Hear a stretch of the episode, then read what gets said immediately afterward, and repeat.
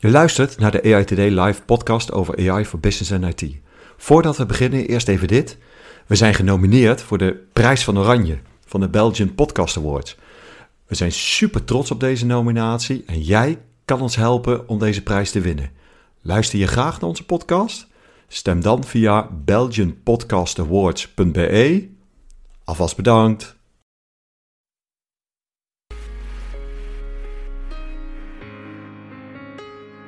Hoe ver is AI al doorgedrongen in ons dagelijks leven en hoe zien we dit in de praktijk gebruikt worden in de business? In deze vierde aflevering van de AI Today Live gaan we hier dieper op in. Iedere twee weken duiken we dieper in het nieuws rondom AI en hoe je AI inzet in je organisatie. Ik ben Mark Wolvenbuttel, Chapter Lead AI Zorg bij InfoSupport. En ik ben Joop Snijder, Head of Research Center Artificial Intelligence, ook bij InfoSupport. Welkom terug bij podcast nummer 3 en fijn dat je weer luistert. Vandaag gaan we het hebben over AI in de praktijk. Misschien uh, is het wel leuk, uh, Joop, om eens even te vertellen hoe jouw uh, dag eruit ziet. Om dan eens te kijken wat, wat we eigenlijk aan AI al tegenkomen vandaag de dag in de praktijk. Oh ja, dat is zeker wel een leuk idee. Nou, laten we beginnen. Kijk, mijn dag begint de dag ervoor. Dat ik ehm, s'avonds pak mijn telefoon en dan zeg ik... Hey Siri, zet de wekker op 8 uur, morgen vroeg. Dan heb je natuurlijk al gelijk AI te pakken. En hoe dan? Nou, je hebt natuurlijk een, een tekstbericht wat jij inspreekt, wat vertaald wordt naar een actie. Dus dan heb je het over speech to text, wat uiteindelijk ook een actie uitvoert. Oh ja. En als ik dan s ochtends uh, beneden kom, dan uh, staat mijn uh, thermostaat, die is al ingesteld op de juiste temperatuur. Dus ik kom beneden, zeker in de winter, dus lekker warm. hoe werkt dat? Ja, nee, die, die kijkt eigenlijk naar verschillende dingen. Maar die, die kan weten wanneer jij thuis bent, wanneer de activiteit plaatsvindt. En die weet dat gedurende de tijd probeert hij dat een beetje bij te houden, een patroon erin te ontdekken. En zorgt hij dat hij voordat jij beneden bent, de boel al lekker opgewarmd is. Oh ja, ja heerlijk vind ik dat altijd. zet ik muziekje aan en vaak pak ik dan eventjes de daily mix van, van Spotify. Ook AI. Wist je dat? nou, leg eens uit. Nou, de Daily Mix is eigenlijk iets wat is op basis van recommendations. Dus hij kijkt naar wat, uh, wat luister jij en wat doen anderen daarin ook. En komt dan met uh, eigenlijk uh, ja, aanbevelingen. En dan, nou, als ik dan op mijn werk aankom, het eerste wat ik natuurlijk doe is het checken van mijn mail. En nou weet ik dat de, de spam die gefilterd wordt, dat het ook met met AI, met, met machine learning gaat. Hoe werkt dat? Weet je dat? Ja, dat weet ik ook. Uh, kijk, spamfilter is al best wel oud en wordt eigenlijk uh, naarmate de tijd voordat alleen maar slimmer en slimmer. En daar zitten algoritmes achter. Die herkennen grote stukken tekst of grote stukken, um, ja, eigenlijk e-mail informatie op de achtergrond. Wat wij niet altijd zien natuurlijk. Wij zien netjes de tekst van het bericht. Maar er zit heel veel uh, header-informatie, zoals dat heet, achter. Die filtert hij om te kijken van zit hier misschien een bericht in wat eigenlijk helemaal niet voor jou bedoeld is. En dat haalt hij eruit. Duidelijk. De volgende stap in mijn dag is dat ik ga lunchen. Parkeer ik mijn auto. En dan zie ik wel eens van die autootjes voorbij komen, van die parkeerwachters. Met camera's op het dak. En die controleren dan of ik uh, wel of niet betaald heb. Heeft dat ook iets met AI te maken? Zeker, dan heb je het echt over image recognition. Dat is een, eh, een camera die controleert het nummerbord. En het nummerbord kan weer checken of er ook daadwerkelijk eh, betaald is aan de hand van het nummerbord.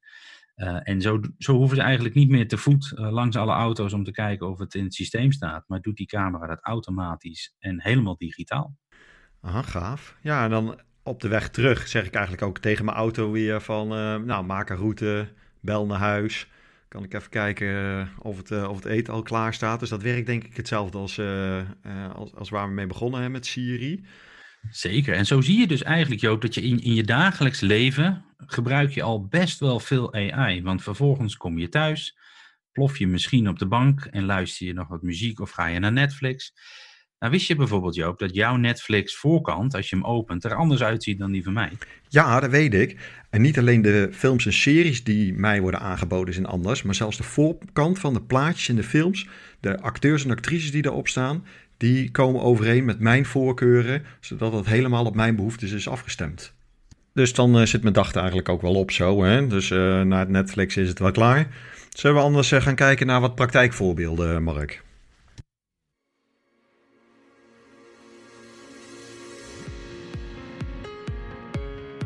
Leuk dat je luistert. Abonneer gratis op ons account in de Apple Podcast en Google Podcast en zorg dat je geen aflevering mist. We kunnen dit alleen blijven maken met jullie support.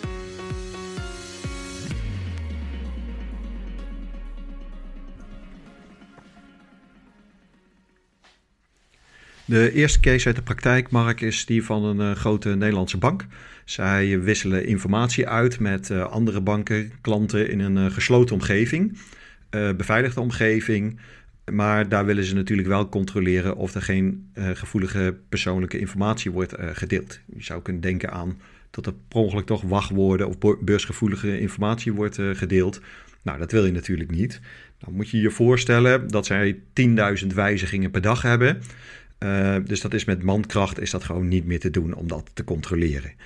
Regelgebaseerd lukt ook niet. Je moet natuurlijk kijken naar de context van die teksten. Je moet het als het ware kunnen interpreteren. Dus typisch een case voor machine learning. Waarbij we moeten aantekenen dat net als bij mensenwerk geen 100% uitkomst hebben, tenminste 100% gegarandeerd, dat je alle, alle fouten die erin zitten, of alle persoonlijke gegevens die erin zitten, eruit kunnen halen. Mensen eh, maken ook eh, fouten. Dat hebben we met machine learning ook. Het mooie is wel dat de machine learning op dit gebied vaak beter presteert dan de mens dat doet. Maar we moeten wel echt rekening houden dat je geen 100% scenario's haalt met machine learning. Ja, ja, en dan heb je het hier over een databron en over een uitkomst die je kan controleren, waar je actie op kan ondernemen. Um, nou, je zegt ook, het is niet altijd 100% uh, natuurlijk, maar dat is dus de mensen ook niet. Wat misschien dan nog wel een mooi bruggetje is naar een voorbeeld die ik heb. Uh, bij een, uh, een, uh, een, bedrijf waar wij voor werken, die bijvoorbeeld fysieke kabels in de grond heeft liggen om energie door te laten lopen. daarin gebruiken we bijvoorbeeld een voorspellend model. Hè, want die energiekabels, nou, die gaan wel eens een keer stuk. Nou, je wil natuurlijk zo goed mogelijk voorspellen wanneer dat gebeurt. Uh, en dat kan je doen aan de hand van stroomuitstoot. Uh, en daarmee kun je voorkomen dat een kabel kapot gaat uh, en een hele wijk zonder stroom komt te zitten. Dat is eigenlijk de business case. Nou, wat we daar doen is dat wij kijken naar de stroomuitstoot door middel van gewoon kleine sensoren in de grond. We pakken daarmee ook nog een extra databron om te kijken naar de grondsamenstelling, want die kan misschien ook nog invloed hebben op de uitstoot. En we kijken sinds kort ook naar een databron, gewoon het weer. Hoeveel regent het op die plek en wat heeft dat voor invloed op de stroomuitstoot? En eigenlijk aan de hand van, uh, van deze bronnen proberen we met een voorspellend model na te gaan wanneer heeft deze kabel in de grond onderhoud nodig. En zo kan je dus heel gericht onderhoudsteams naar een bepaalde locatie sturen om te kijken van klopt het wat we hebben gedetecteerd? Hebben we het op de juiste manier voorspeld?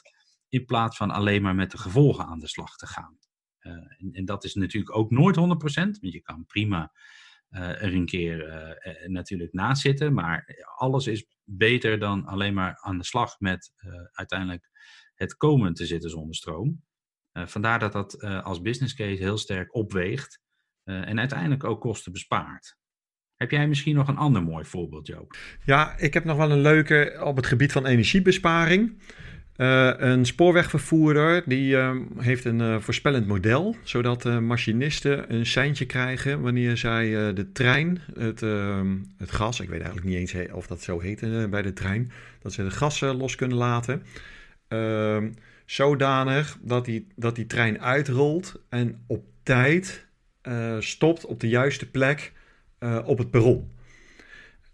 dat betekent dat, dat er niet geremd hoeft te worden. En dat, ehm, dat, dat de, de energie, dat er ontzettend veel energie bespaard wordt. En juist bij treinen, daar komt zoveel energieconsumptie bij kijken, dat als je daar maar een paar procentpunten zou besparen, heb je echt een gigantische besparing. Um, en ook hier, wat je, wat je weer ziet, is dat het gaat over als als mens kan je wel een bepaald gevoel krijgen hè, van wanneer je dat los moet laten. Ik bedoel, als je zelf auto rijdt, uh, weet je op een gegeven moment ook hè, van, oh ja, als ik hier nou uh, gas loslaat, dan kom ik daar ongeveer wel tot stilstand. Dan moet je misschien hier en daar een klein beetje bijremmen. Maar je kan je voorstellen dat dat steeds moeilijker wordt naarmate je rekening me, moet houden met ehm, of een terrein afloopt, wat voor weer het is. bij rails is het zo of, of, of je heel veel weerstand hebt of heel weinig weerstand. Uh, wat een heel stuk moeilijker is om in te schatten van uh, wanneer je dan uiteindelijk moet gaan uitrollen. Nou, al dat soort invloeden, dus uh, weer, de weerstand, de, wat voor type trein, wat, waar, waar je bent in Nederland, hoe de helling is van, van het baanvak. Dat soort dingen kunnen allemaal, al dat soort elementen kunnen worden meegenomen. zodanig dat je een hele nauwkeurige voorspelling krijgt van oh ja, nu van, het, van het gaspedaal af. En dan komen we precies uit waar je uiteindelijk wil, wil zijn. Ik denk dat het een hele gave case is.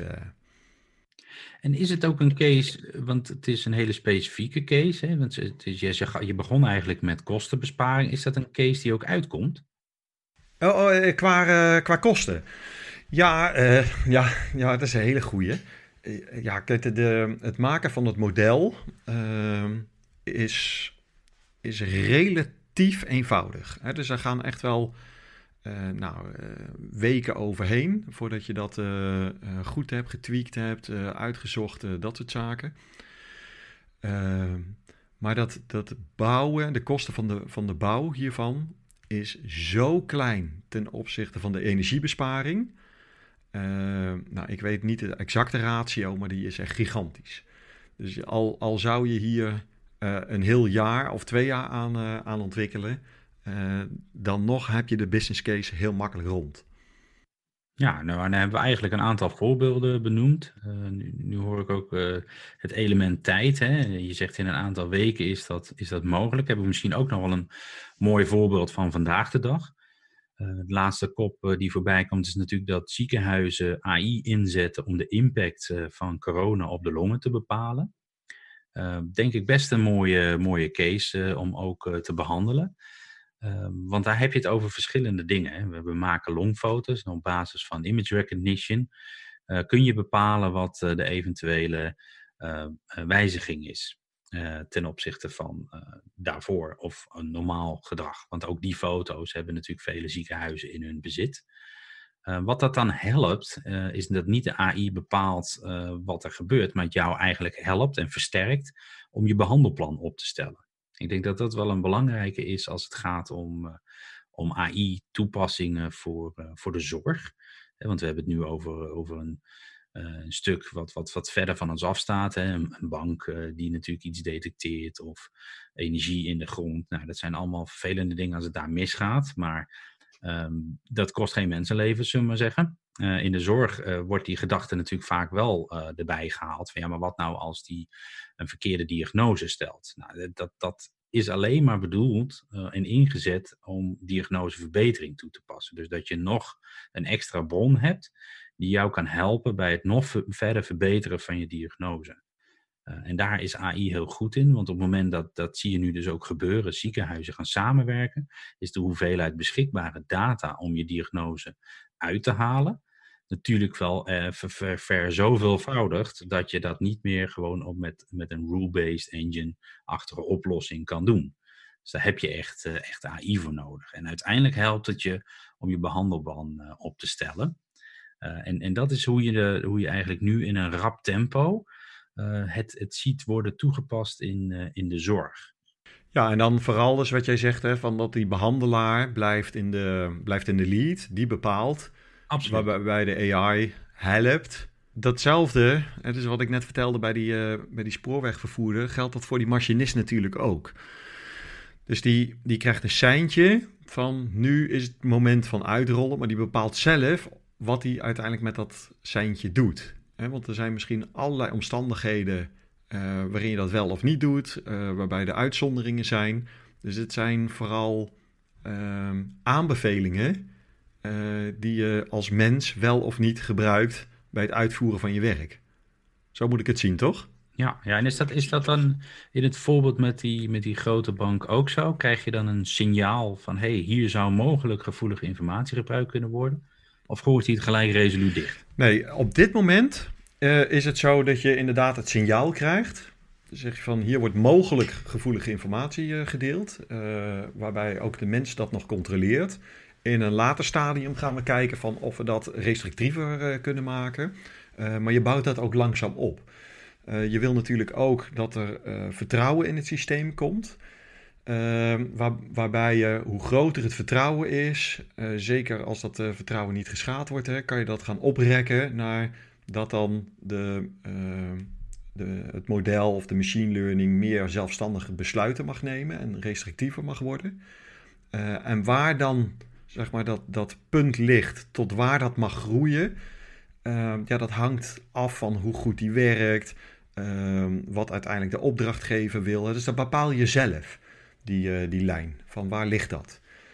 De tip is wel van dat, je, dat je wel zeg maar, aan de, laten we zeggen, veilige kant begint.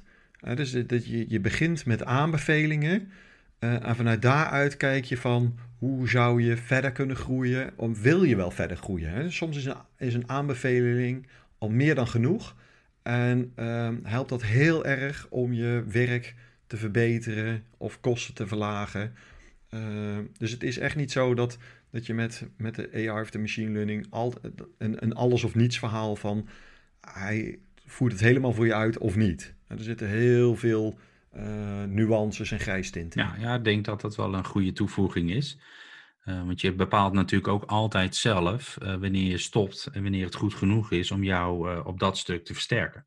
Nou hebben we het gehad, Joop, over waar we AI eigenlijk al in ons eigen leven terug zien komen. Hè? De, de Spotify's en de, de Netflix's en de routeplannen, spamfilter. We hebben nu een aantal business cases behandeld. Ehm, maar kan ik die business cases dan gewoon kopen? Want Netflix kan ik toch ook gewoon kopen? Je zou je kunnen afvragen van, ja, kopen, zelf maken, waar moet je beginnen? Hebben we een iets langer antwoord voor nodig, dus misschien wat voor volgende keer? Nou, lijkt me een hele goeie. Bedankt voor het luisteren.